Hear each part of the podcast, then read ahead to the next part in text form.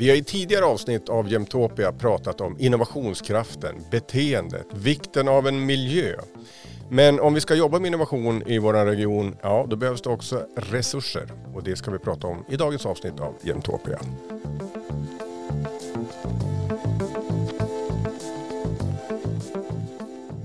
Tusen miljarder kronor det avsätter EU i forskning och innovationsmedel mellan åren 2021 och 2027. Om vi ska komma åt en eh, god del av dessa pengar så är en av nycklarna Daniel Eurenius på Peak Region. Vad tycker du och hur tycker du att vi ska göra för att komma åt de här pengarna? Vi ska se till att eh, söka mycket, mycket mer än vad vi har, gör idag och vad vi har gjort. Är vi dåliga på att söka de här pengarna? Vi skulle kunna bli mycket, mycket bättre. Och hur gör vi då? Eh, dels så handlar det om att få bättre kunskap om vad det finns och vad det kan användas till. Eh, vi har Marie Holm Scherman och Peter Womaka här som gäster. Vad skulle du vilja veta? Vilka tips tycker du att de ska ge oss? Dels så ska Peter som representerar näringslivet eh, få berätta lite om vad han ser, vad företagen har för några behov. Och Marie som har varit ute och jobbat i de stora internationella projekten ska berätta om de möjligheter som finns där för våra jämtländska företag att delta och komma åt den här typen av finansiering.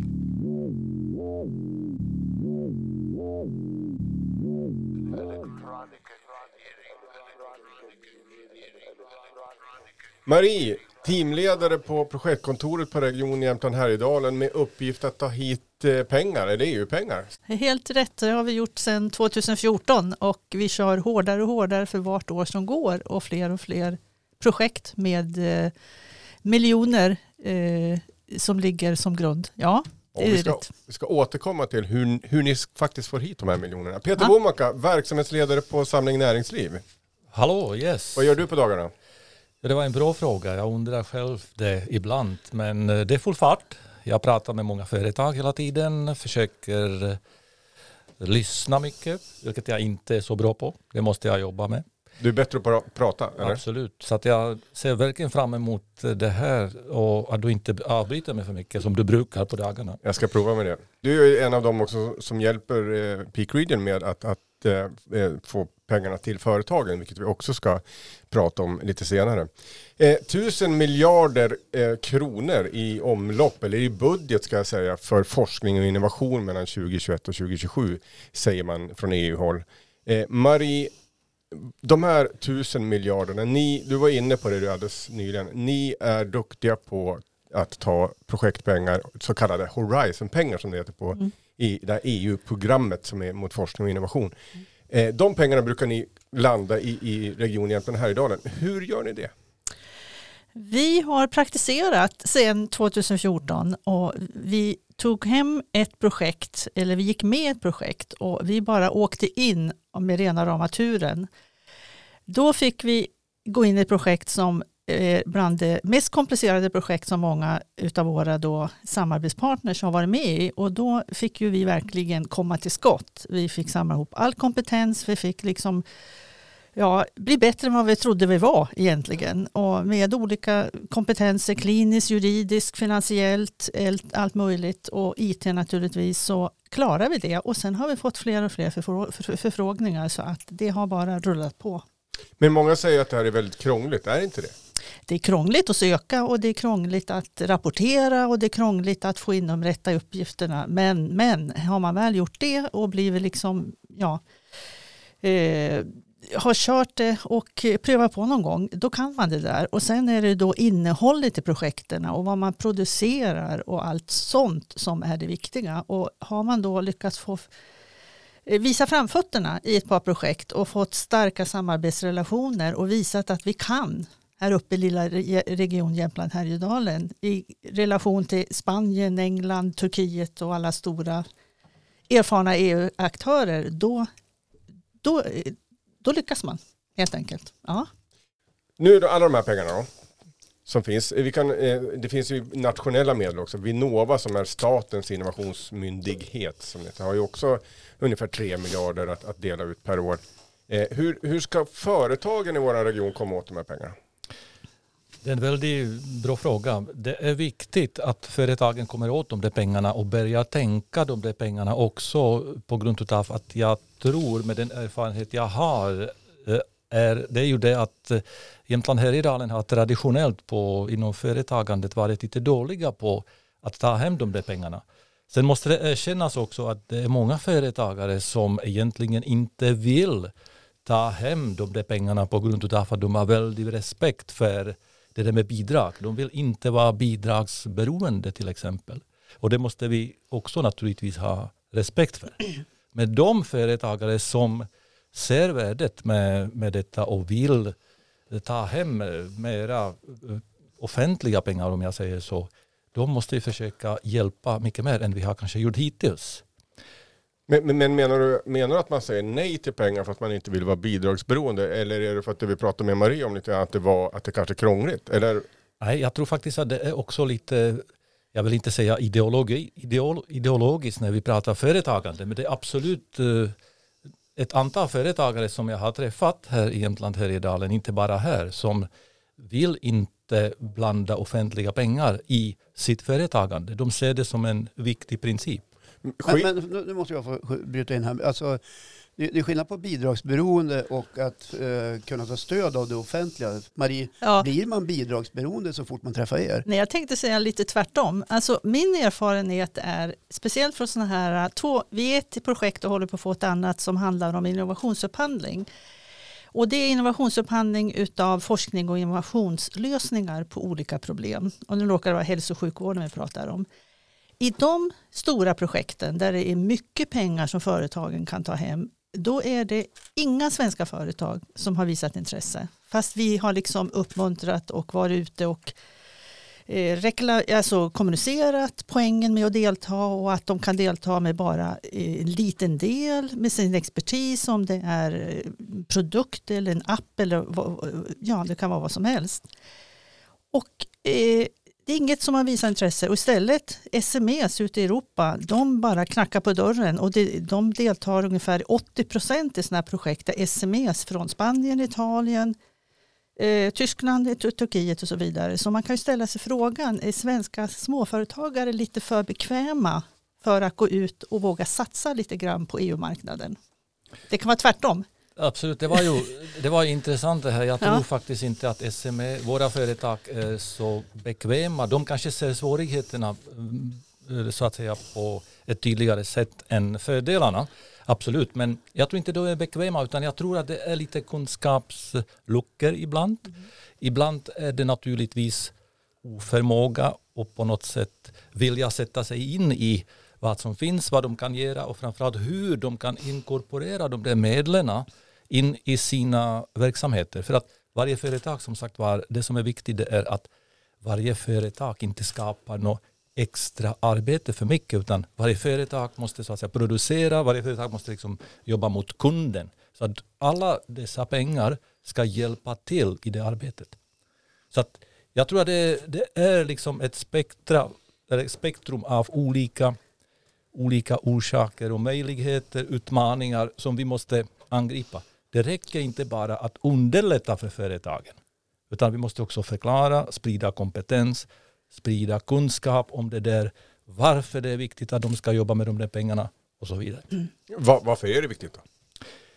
I min värld i alla fall är det viktigt på grund av att vi får inte tappa konkurrenskraft. Låt oss säga till exempel att företag, mindre företag i Göteborgsregionen mm. tar hem alla, alla dessa pengar så det är klart att då kommer de helt plötsligt att få resurser att utveckla sina affärer som våra företag inte får. Det är klart att konkurrenskraften kommer att öka för de företagen i Göteborgsregionen. Vad blir, som kon, vad blir konsekvenserna då? Att vi, vi, får inga nya etableringar eller vi får inte den här utvecklingen i regionen till, som vi ja, eftersträvar? Till exempel, eller? till exempel kan, kan det vara så att eh, våra, våra företag kanske hamnar lite snett i konkurrenssituationen. Men, men, om man kommer också till det vi började prata om, att det är så väldigt mycket administration och det är krångligt och så här, så, så kan man också titta på den, eh, den, om de här tusen miljarderna jag pratade om som EU har eh, i budget. Eh, historiskt sett så är det väldigt få procent som blir beviljade. Det, jag tror det är någonstans 14 procent av, av alla de här pengarna ute i Europa som det faktiskt går till, till företagen. Eh, av det man söker, alltså det är väldigt få. Men ni har 60 procent eh, eh, be, beviljandegrad på de här pengarna. Ja. Va, då är ju någonting, då har ni då en arbetsmodell som man eh, kan då använda kanske till företagen, att vi kan få ihop det här. Är det så, kan man tänka så? Ja, absolut. För att vi sysslar ju med hälso och sjukvård, det är baserat, men det är ju i samarbete med företag. För vi inser ju från hälso och sjukvården att många av våra eh, logistiska problem eller överhuvudtaget eh, utmaningar eh, kan inte vi själva ta hand om utan vi måste ha assistans från andra sektorer och akademiska och näringslivet och så vidare. Så att definitivt att där finns det en potential och vi samarbetar med företag. Vi samarbetar med större företag, vi samarbetar med mindre företag i de här projekten. Men det är fortfarande svårt att få projekt eh, där, eh, eller vi är med i projekt där företag kan gå in, men de har inte gjort det. Och jag, fortfarande, jag håller med vad du säger Peter, att alla de här olika situationerna, man vill inte satsa, man kanske inte har situationen, man måste tänka på personalen och sin lilla verksamhet och så vidare om det är ett SME. Men det, jag tror fortfarande att det har lite med attityden att göra. Så jag tror vi måste tänka lite ur beteendevetenskaps beteendevetenskapssektorn lite grann också, hur man kan påverka. Det är inte bara teknisk information och hur man kan söka eller hur man kan utveckla stöd för att förstå företag att, att det finns någonting att hämta här utan det, är jag, jag vill, ja, det är andra jag, jag, vill Marie faktiskt, jag vill Marie hålla med dig lite grann. Inte för mycket, men lite grann. Och då vill jag säga så här att jag ska ge mig själv som ett exempel. För att eh, jag var förut relativt stor motståndare till just det där att söka pengar och för att det tog ju väldigt mycket kraft tyckte jag. Mm. Sen drev jag faktiskt ett bolag eh, som vd och där tvingade jag mer eller mindre använda mig av de där vägarna, söka pengar, för att vi hade nämligen inga andra medel att utnyttja för att utveckla en viss teknologi, eh, så att säga hjälpa en viss kund. Och efter att jag har gått igenom allt som då jag innan uppfattade som krångligt, så blev jag liksom lite frälst, om jag säger så. Så det vill säga absolut det du säger måste jag hålla med om, även om jag kanske inte vill varje gång då. Men så att, och det är därför jag vill också verka hos företag och förklara för dem att det är faktiskt lite ljus i tunneln där bak. Som man kan, eller där framme nu, som man kan se att det är värt att testa i alla fall. Men är, är det det du menar med attityd? Eller vad menar du? Är jag inne på rätt spår här? Ja, attityd och eh, som du gjorde då och andra företag, bara ta ett steg. Och eh, jag tänker att det finns ju entreprenörsföretag i regionen som guldgalevinnare och så vidare, eller finalister. Och de har ju visat framfötterna i regionen och då tycker jag att de, flera av dem vore perfekta kandidater att gå in i sådana här större EU-projekt och även om de har bara en mindre produkt så kan den ofta passa in i en ansökan. För det finns ju många olika parter och, och alla tar till sina stora eller mindre kompetenser. Så att man får vara lite öppen och lyhörd för möjligheterna och sen våga lite grann, vara lite modig. Sen är det en sak till som jag tycker är ganska relevant i den här debatten och det är att eh, man får vara som företagare också försöka vara lite, lite kreativ och även om mm. Eh, ett område heter inte exakt det som företagaren vill göra så väldigt ofta går det att anpassa det man vill göra till den ramen som ges. Och det är den, det vill säga vad jag egentligen tänker på, det, det som är viktigt när man pratar med företagen, det är att man tillsammans med företag omdefinierar behovet. För att när företagaren själv definierar behovet av hjälp för sig själv och sen kommer någon av oss och säger de här pengarna är tillgängliga så låter det som att det är två helt oförenliga saker. Men efter en liten analys, efter en liten diskussion och, och så vidare så kan det visa sig att nej, men syftet är faktiskt lika, både med pengarna och med behovet.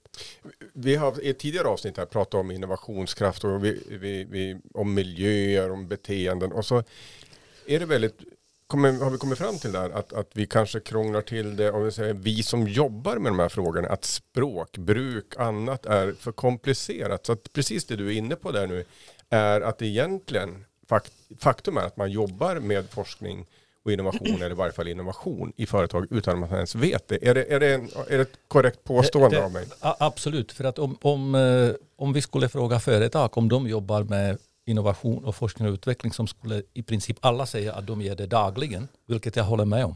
Men det är ju liksom just det där med retorik, kanske pedagogik och språkbruk.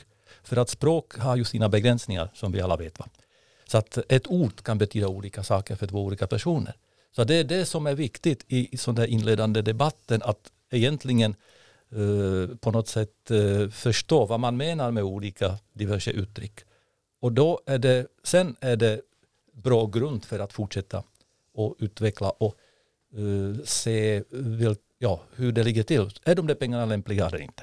Jag ville bara säga också att, eh, som för, förstärka vad jag sagt tidigare, att jag tror många tror att det är ganska komplicerat. Det krävs väldigt stark spetskompetens inom sitt område för att komma med i en sån här ansökan och, projekt och få de här stöd, det här stödet från EU. Men som jag sa, att det är ofta bara en kan vara en process man har, det kan vara en monitorering man har på en app som kan passa in just i det lösnings eh, fokus som man har på ett visst projekt. Eh, och det har vi många exempel i regionen, jätteduktiga på olika områden som är direkt knutna till hälso och sjukvården eller till industrin, småindustrin och så vidare. Så att eh, det är klart, det är ju våran ansvar att kommunicera möjligheterna på ett, ett sätt som talar till att du behöver inte vara bäst i klassen, du behöver inte vara bäst i Europa, utan det är okej okay om du är bäst i Jämtland. Bara, bara så att jag förstår, om man ja. förenklar. Mm. Jag, jag, kan sitta på en mutter i min tillverkningsindustri som passar in hos någon annan i någon annan verksamhet, men jag Helt har inte rätt. förstått det. Nej, och det kan vara en metafor, eh, en mutter. Ja, ja, det är det du menar. Det, det var väldigt enkelt i ja, för sig. Precis, ja. ja. men det kan vara så också. Jag står och tänker ja. lite grann här medan ni pratar. Mm. Förr i tiden, gammalt tillbaka, så var ju faktiskt Jämtland Härjedalen ett starkt eh, nej-fäste till EU. Det vi kommer alla ihåg eh, omröstningen. Spelar det någon roll idag, tror ni, kring att Jämtland Härjedalen inte är speciellt vassa på att ta till sig de här medlen? Lever det här kvar på något sätt? Jag tror indirekt så, för att, eh, men jag tror mer den jämtländska eh, attityden av att vi har behovet, starkt behov av att vara självständiga. Och det var ju innan EU-situationen. Vi går tillbaka i historien och det är ju lite småroligt med republik och så vidare. Jag tror det är det istället och det är det också kanske som gör att dagsläget eh, innebär att vi sitter i bubblor. Vi har det svårt att nå ut fast vi vill utveckla vår eh, verksamhet och så vidare. Att det är svårt att ta sig ur den där jämtländska lite insulära känslan om jag får vara lite spetsig. Det, var, det, var, en passning till mig här känner jag. det kan det vara. Precis, för att ja. jag som inte är jämte som har flyttat hit för tio år sedan jag måste verkligen hålla med om detta som du säger att jämtlänningen vill regera själv. Mm. Man vill inte ha hjälp. Man vill jobba i sitt stuprör helst. Men, men kan det inte finnas en styrka i det också då? Absolut, det är liksom Upp inte bara negativt. Punkt. Ja, hur, hur, nyckeln är att förena det här då? Ja. ja. Men i det här fallet är det förstås förmodligen lite mer nackdel i den här inledande, sked, inledande skedet för att övertyga företagarna, entreprenörerna om att det här är bra. Vad är nyckeln till att förenkla då? Ja, vi har ju på regionens, eh, under FoU så har vi någonting som heter projektcenter och där eh, utifrån det projektcentret så sitter ju vi och arbetar med alla de här projekten. Det är fem olika Horizon 2020-projekt och så har vi ett ERUF-projekt från regionala fonden eh, som heter Regionalt resurscenter och det innebär att vi ska skapa ett center för att uppmuntra eh, främst företag i näringslivet i Jämtland och sen hälso och sjukvårdssidan i Väst, Västernorrland. Att man ska öppna ögonen för möjligheterna för finansiering på FoU-sidan. Och, eh, det är ett projekt som kommer vara tre år. Vi har fått medel för att skapa workshops, seminarier, ta hit eh, externa talare inspiratörer som sprider budskapet tillsammans med oss som har sysslat med det här i nu sex år och har viss kunskap och erfarenhet. Och tillsammans med Peak Regions Invest in Innovation-projekt som har motsvarande eh, funktion kommer vi, fast mer lokalt, så kommer vi att arbeta fram förutsättningar och intresse, engagemang eh, eh, hos näringslivet inom regionen för att det är inte så svårt. Vi kan hjälpa till upp till en viss punkt och så vidare. Vi har nätverk. Så att eh, det ser vi jättepositivt på. Men ni har drivit sådana här projekt historiskt också och då kommer sådana här projekt förmodar jag då fram på grund av att du har kommit till Peter och eh, företagen som kanske Peter företräder med flera. Alla är inte med i Samling Näringsliv. Men eh, att ni inte får riktigt gehör då, är det, stämmer det? Ja, alltså vi har ju prövat nu inom ett par olika projekt att få in aktörer och det finns intresse, vi har diskussioner med företag och det är allt från koncerner till SMEs. Eh, men de är mer intresserade av den svenska stödmarknaden, Vinnova, Erof och så vidare. Det, som ni säger, det är EU. Det är lite sådär att en, ja. en vägg som hoppar upp. Oh, det är för komplicerat. Jag, jag, måste nu hoppa in och kommentera här också för att som sagt var min styrka ligger i att jag inte är jämte i det här sammanhanget så jag kan se kanske saker och ting utifrån lite utanför, utanför perspektivet. Mm. Jag, jag ser det lite så här det med EU att det här är naturligtvis ingen politisk debatt om det, vi ska ha EU eller inte, så det lämnar vi därhen. Men däremot om vi nu har den strukturen som heter EU så tycker jag att utifrån Jämtland Härjedalens perspektiv så måste vi se till att våra företag har samma förutsättningar för utveckling som, som andra regioner. Det vill säga vi måste vara med i konkurrensen här och försöka plocka hem de där, de där pengarna. Va? Men jag vill också säga så här att jag har ju, i och med att jag inte bott hela mitt liv här, så har jag verkat mycket utomlands. Jag har jobbat mycket i olika regioner i Sverige, bland annat i Göteborg, i Norrbotten, i Luleå. Och om vi tar Göteborg så är det faktiskt eh, mycket enklare att jobba med de där stora projekt eh, på grund av att det är så pass många företag som gör det samtidigt så det är relativt lätt att få någon typ av referens från kollegor inom företag och ringa till någon och säga Herre du, du har ju varit i den där Horizon 2020, hur funkar det där?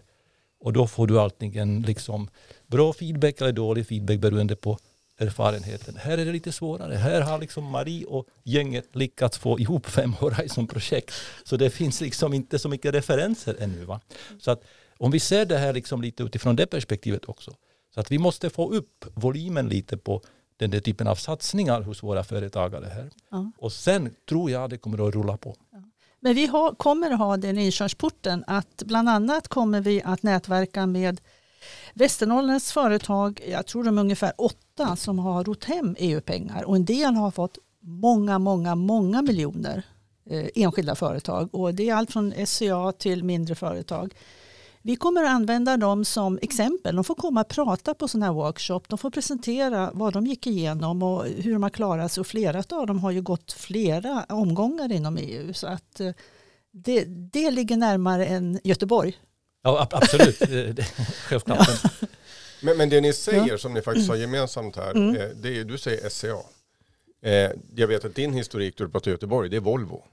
Är det, eh, vissa påstår att också de här de, systemet eller pengarna i systemet främst är till för storbolagen och att det kanske då eh, får spinoffer på, på underleverantörer runt omkring. Är det en problematik att vi inte har de här storbolagen i, i vår region?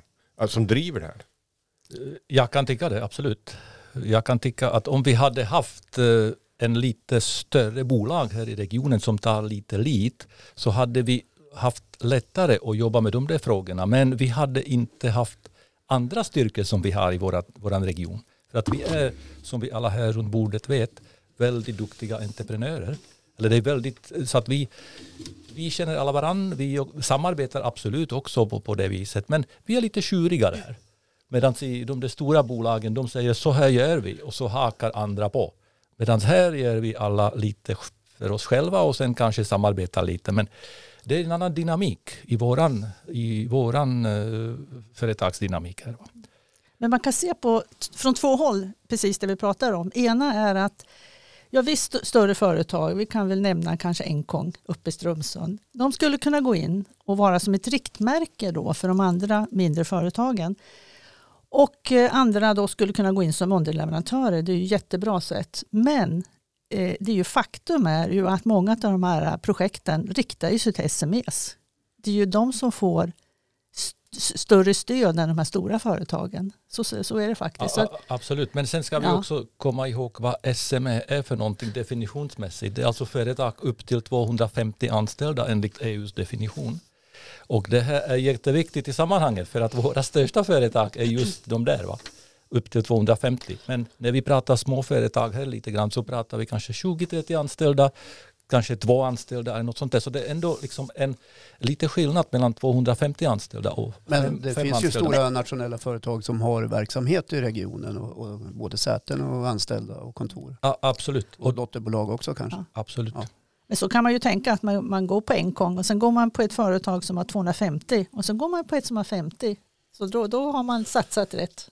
Absolut. Ja, visa vägen så att säga. Men det borde finnas ett, en satsning för små och en för medelstora företag. Ja, skulle det näst, vara underlätta? Jag tror nästan att det skulle vara intressant att se vad som skulle hända. Sen vet jag naturligtvis inte om, om jag har helt rätt eller inte, men jag tror att dynamiken för de där riktigt min, små företag och 250 anställda företag är lite annorlunda. Vi, vi har klumpat ihop det allting liksom som SME. Va? Jag, menar, jag, jag, jag, jag har inte tänkt igenom det, jag bara liksom tänker mig att det kan vara lite olika dynamik. Men om man är företagsledare nu för ett eh, SME-företag, alltså eh, små och medelstora företag, och sitter och lyssnar på det här nu då, eh, och känner ja men jag vill gärna hoppa på, jag vill, jag vill testa. Hur ska jag veta vart jag ska vända mig om jag nu eh, känner att jag har lite motstånd, eller men jag vill ändå prova? Ja, det här projektet Invest in Innovation som Peak Region kör, det har ju gått ut redan i media. Det finns ju tillfällen att på LinkedIn, på Facebook och andra kanaler att hoppa på olika seminarier som, som man eh, har och anordnar och som man då, där man presenterar hur man kommer in och hur man lyfter sådana här forsknings och utvecklingsidéer som man har i byrålådan och hur man kan ta fram det och eh, upp, uppmuntras till ett sådant satsande. Och sen går man ju vidare då, vi har ju väldigt nära samarbete Projektcenter och Invest in Innovation. Och då kommer man ju vidare till vårt Eh, projekt så att säga, eller vårt arbete. Och det innebär ju då att då kan vi visa på de här större EU-projekten.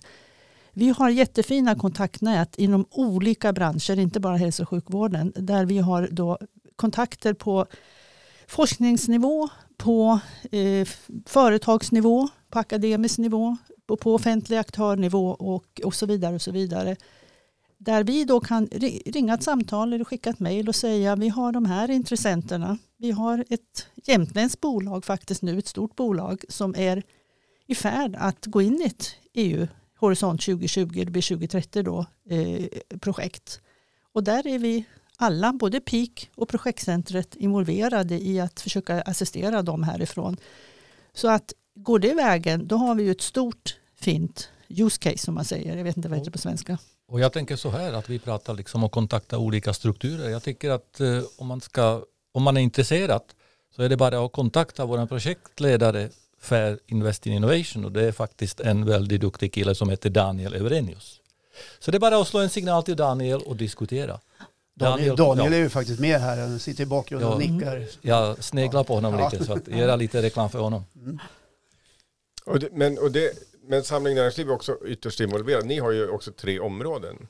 Infrastruktur, kompetensutveckling och, och just innovation. Eh, och ni kopplar då det här arbetet mot Peak Region. Är, då, man säger innovation och innovationsarbete på Region Jämtland Härjedalen så har det varit historiskt sett väldigt, med all rätt och mycket mot vård och vårdsektorn. Men här menar du också att, att arbetssätt som ni har haft kan också göras på andra branscher. Är det så du säger? Absolut, för att vi sysslar inte bara med hälso och sjukvård även om, i de här projekten, även om det är basen för projekten.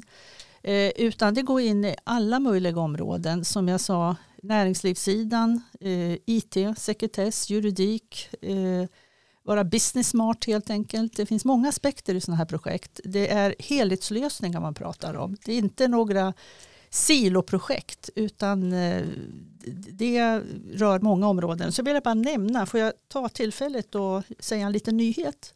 Ja, kan vi stoppa dig? Nej, Nej. helst inte. Nej, men du besvarar ju lite frågan om hur vi är innovativa och hur vi arbetar innovativt. Det gör vi ju också i det här fallet med Peak Region och Jämtkraft och Krokoms kommun. Vi fyra är konsortiemedlemmar. Det betyder att vi sitter i styrelsen för ett projekt som nyss har blivit beviljat eh, som heter D-Rural. Och det är väldigt spännande för att det projektet kommer att baseras inom hälso och sjukvård men det kommer att gå ut och röra alla sektorer i, i länet. Eh, det är eh, en digital marknadsplats som eh, har som syfte att i glesbygd öka tillväxt, livskvalitet. Eh, vi ska eh, arbeta på en plattform som ska marknadsföra eh, och saluföra olika tjänster, produkter och vi har speciella stöd, finansiella stöd för sms där de ska utveckla sina, sina affärsidéer eller sin verksamhet. Och eh, det är ett stort projekt. Själva hela projektet är på ungefär knappt 150 miljoner. Och eh, vi får drygt 20 miljoner hit plus då sådana här speciella pengar för sms. Det här startar 1 januari med om vi kan resa till Spanien för ett, ett möte som startar hela projektet. Vi får antagligen ta det digitalt som det ser ut i dagsläget. Men det blir servicenätverk med en ingång med olika då hälso och sjukvård, det är omsorg, det är el, det är eh, småindustri av olika slag. Och eh, det kommer att vara jättespännande och eh, det är många som eh, aktörer runt om oss, politiker och eh, andra aktörer som är väldigt spända på att höra mer om det här projektet. Och det kommer pressrelease så att var lugna. det här är bara en liten teaser. Men du säger en ingång. Är, är det här, har det här varit en problematik? Att det inte är en ingång, att det faktiskt är, ni säger vi naturligtvis kontakta Daniel Urenius på Peak Region, det är, det är en ingång. Men har det historiskt sett varit många ingångar och det är också ett sätt som gör att det är krångligt. Du nickar mm. Peter.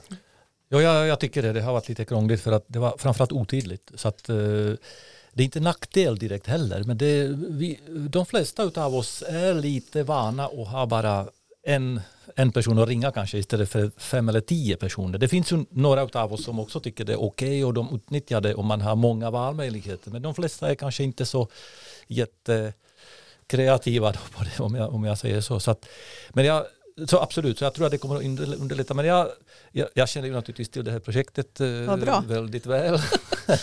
och det, det, jag, jag reagerar på två saker som jag ser som enormt viktiga. Och det, den ena är att det som Marie säger, att vi kommer att kunna koppla ihop eh, lite olika företag. Alltså inte, som sagt var inte bara något Eh, hälso sjukvård och så, utan också väldigt många diverse olika mindre företag. Mm. Och nummer två, och det, det blir jätteintressant, så jag, jag, ser det här projektet som en riktig möjlighet för Jämtland Härjedalen att sätta ett exempel på hur vi skulle tillsammans allihopa släppa sargen och släppa stuprören och börja jobba lite i i uh, konsortier som egentligen inte är traditionella för oss. Utan att vi börjar, börjar riva de där gränserna lite grann. Va?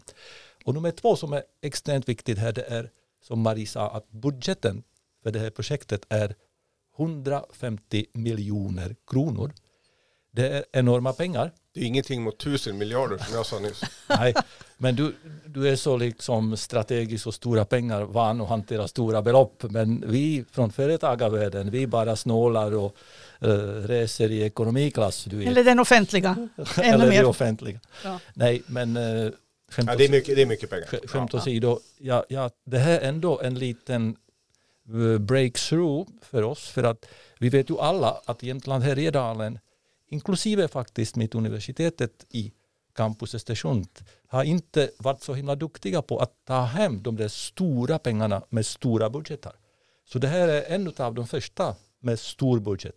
Låt oss fortsätta på den här vägen. Ja, och jag får bara säga då för att eh, förstärka det du sa att det här är ju ett sätt med pengar i botten från EU att skapa ett hållbart ekosystem för eh, en sån här marknadsplats där alla olika tänkbara eh, eh specialiteter, eh, om det är hälso och sjukvård, omsorg, eh, företagssidan och så vidare, kan då utvecklas och kommunicera genom en gemensam plattform som, det är lite väldigt tekniskt eh, bakgrund eh, till det här, hur det är uppbyggt. Så jag kommer inte gå in på det, men vi kommer ha lite mer material så att ni förstår systemet. Det är väldigt intrikat och vi var väldigt glada att vi fick pengar för det här för att det är en jättebra idé. Ett väldigt bra initiativ och det, ni står mm. och, och, du företräder projektcenter på, eller projektkontoret på Jämtland Härjedalen. Ja, projektcenter. Ja, projektcenter ja. på Region mm. Jämtland Härjedalen. Mm. Och så Samling Näringsliv. Eh, och så är Peak Region involverade. Ja. Men det är tre parter som man då via ett projekt gör det. Eh, men vem säger, är det egentliga ansvaret att se till att sånt här fungerar? Är det verkligen att det ska, är det på ett sätt att man ska göra en sån här projektansökan eller vart, vart ligger ansvaret att faktiskt kunna samverka? Tycker ni? Du, du menar härifrån eller hur menar du? Ja, att, att samverka kring att få hit pengar eh, till forskning och innovation, att kunna jobba gemensamt med innovationssatsningar. Vem bär det ansvaret? Det var, en, det var en bra fråga, ja, eh, absolut intressant fråga faktiskt. Eh, det snurrar i huvudet men det är klart att ja, jag har ett svar. Jag, jag har ju också ett svar, men, men mitt svar är ju det alla våras ansvar förstås. Va? Men jag, om man jobbar inom näringslivet så gillar inte jag svaret alla våras ansvar. Jag vill gärna ha kanske en person som är lite mer ansvarig än någon annan för att då blir det gjort, tänker jag. Då, va? Vem är det då? Eh, Nej, men jag tänker så här att allt arbete vi gör för projektcenter, de här projekten, Eh, det är lite mera att det tar hand om problem och utmaningar som vi löser om två, fem, tio år. Det är alltså framåtsträvande lösning, helhetslösningar. Det är ingenting som man, ett genombrottsprojekt eller någon sån här eh, mindre lösning på ett siloproblem utan det tar helhetstag. Och ingen av de här projekten är utanför de riktlinjer, de policies, de visioner som politiker och ledningar eh, inom kommun, landsting, region, näringsliv faktiskt. Vi har ju regional utvecklingsdel på, på regionen också.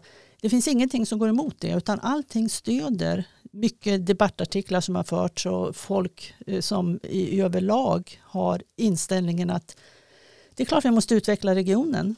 Och hur gör man det? Ja, men det här är ett sätt. Mm. Jag tänker faktiskt så här utifrån mitt, min, mig som individ. Jag känner lite ansvar för att ta hem de där pengarna. Alltså själv. Sen är det bara inte, det kan naturligtvis inte vara jag som, som eh, fixar det. Men jag, jag tror att var och en som liksom är intresserad av regional utveckling bör känna lite ansvar för det där.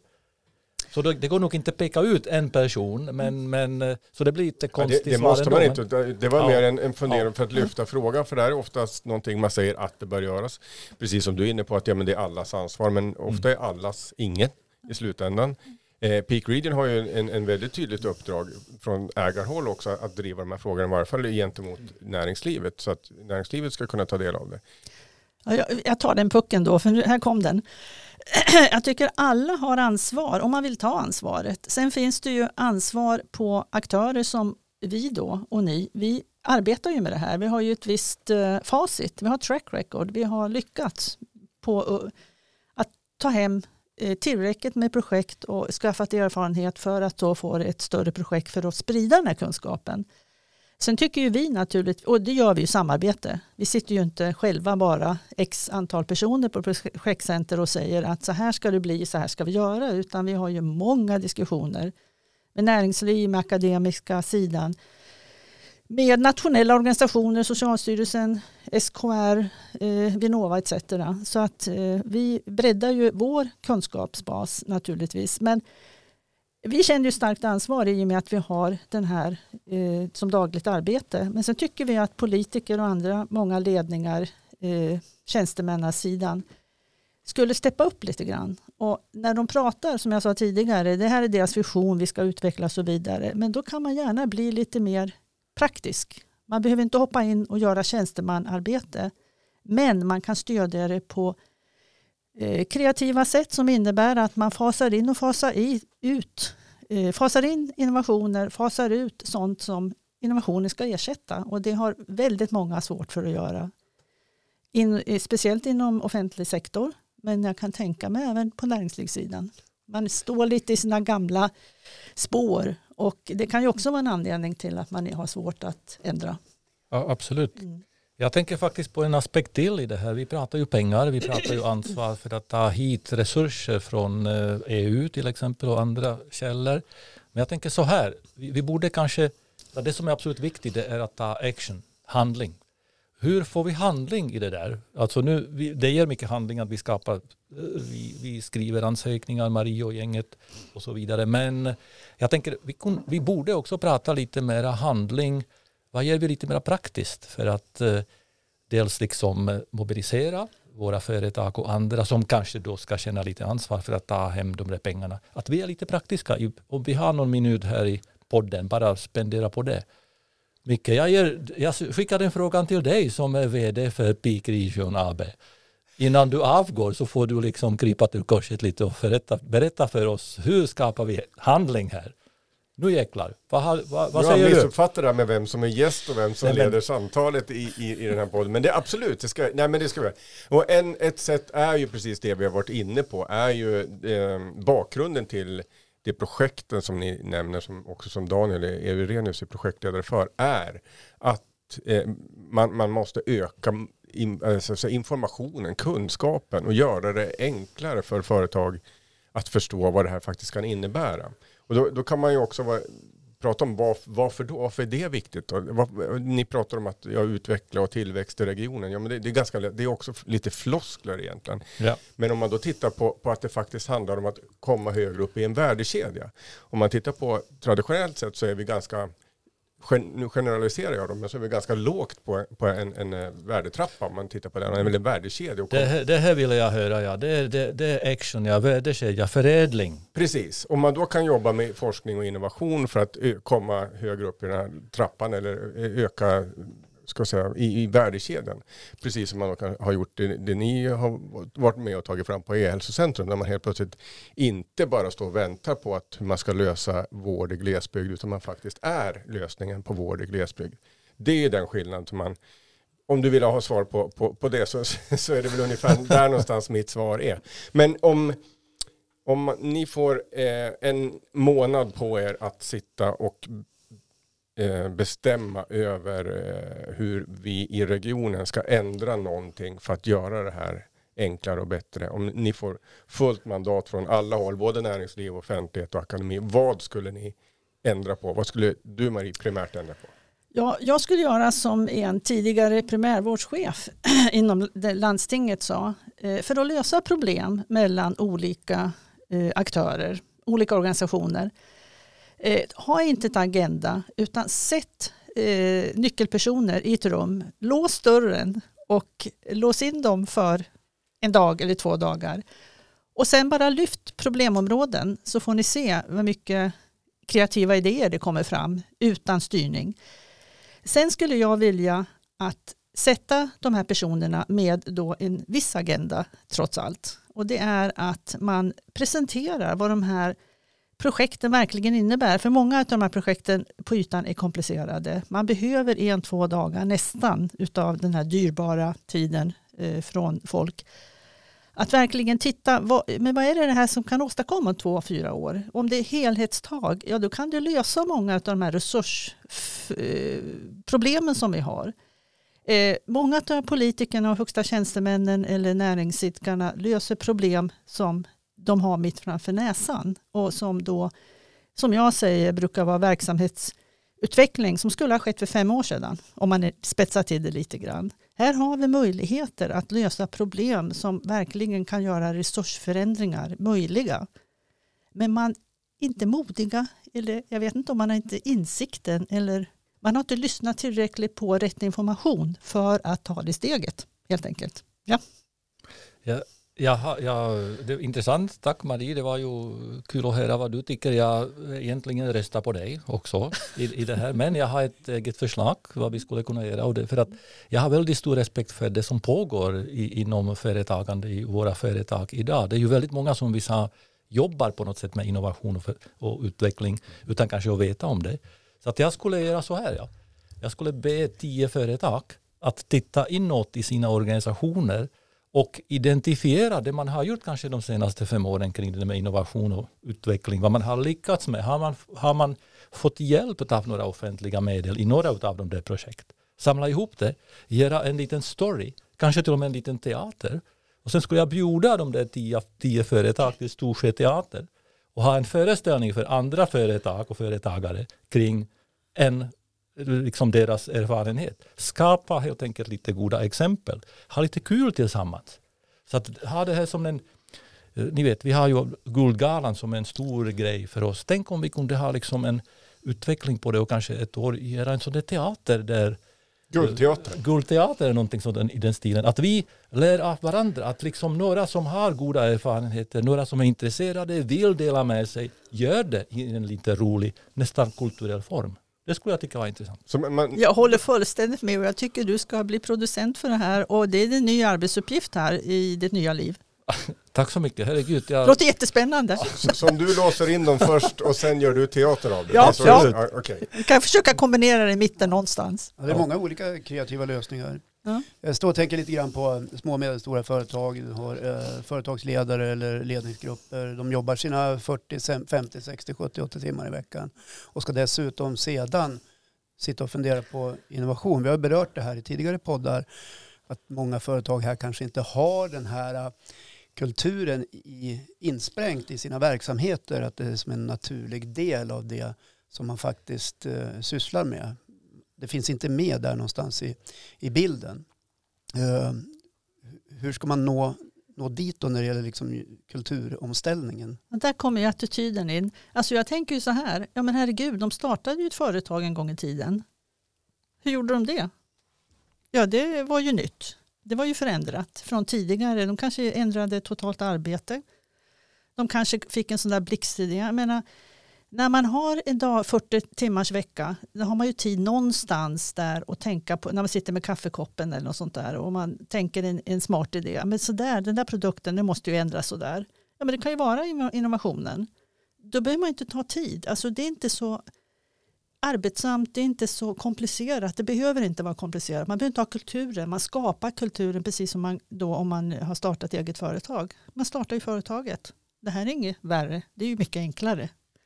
Jag, jag tänker så här, ja. jag har faktiskt haft förmånen i alla fall de senaste tre, fyra åren att jobba väldigt nära många företag samtidigt och jag drivs utav jag drivs utav och entusiasmeras utav de ungas drivkraft, de ungas förmåga, de ungas attityd, deras perspektiv och deras oerfarenhet.